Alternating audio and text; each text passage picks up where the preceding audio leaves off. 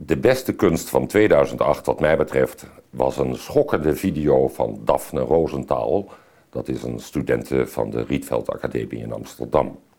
Zij heeft een stukje film van Hitchcock genomen uit The Man Who Knew Too Much. Een scène tussen Doris Day en James Stewart. Maar Doris Day heeft ze, volgens een procedé dat ik je niet zal verklappen, helemaal afgeplakt met tape. En dan haal je dus alleen maar James Stewart over. Het geluid is weg. En dan zie je wat een fantastische regisseur Hitchcock eigenlijk is. Het mooie in die scène zoals hij overblijft, is dat je een vrij zuivere expressie krijgt van mannelijke wanhoop. Een man heeft zijn hele leven, zijn hele vertrouwen, zijn hele lot in handen gelegd van een vrouw die uh, verdwijnt onder zijn handen, afgeplakt, uit de race genomen, niet meer bestaand. Een nachtmerrie van het zuiverste water in Him and Her van Daphne Rosenthal. De slechtste kunst van 2008, wat mij betreft, was een documentaire. Met afstand zou ik bijna zeggen.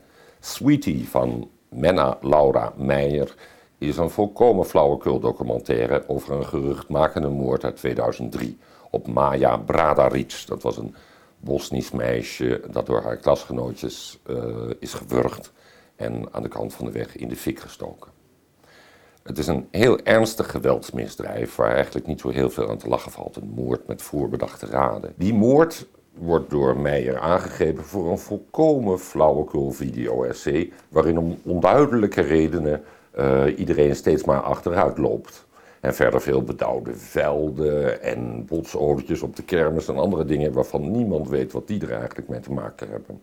En bovendien wordt er op schandelijke wijze misbruik gemaakt van klasgenootjes van het slachtoffer, die een beetje huilerig in beeld daar oninteressante dingen over vertellen. En on top of it all is er nog een van de veroordeelden in de zaak, Nina, die wegens medeplichtigheid voor de moord is veroordeeld. Die wist namelijk van het moordplan en heeft daar verder geen stokje voor gestoken. Wat uit die uh, beelden van Nina, die trouwens nogal duidelijk herkenbaar in beeld komt, vooral duidelijk wordt, is dat dit meisje uh, geen idee heeft van waar ze eigenlijk voor is veroordeeld. En eigenlijk ook geen idee van wat er is gebeurd. Het is allemaal naar en vreemd en, en onsmakelijk. En het is eigenlijk een soort van lijkenpikkerij ten aanzien van wat toch een heel erg zwaar geweldsmisdrijf is geweest.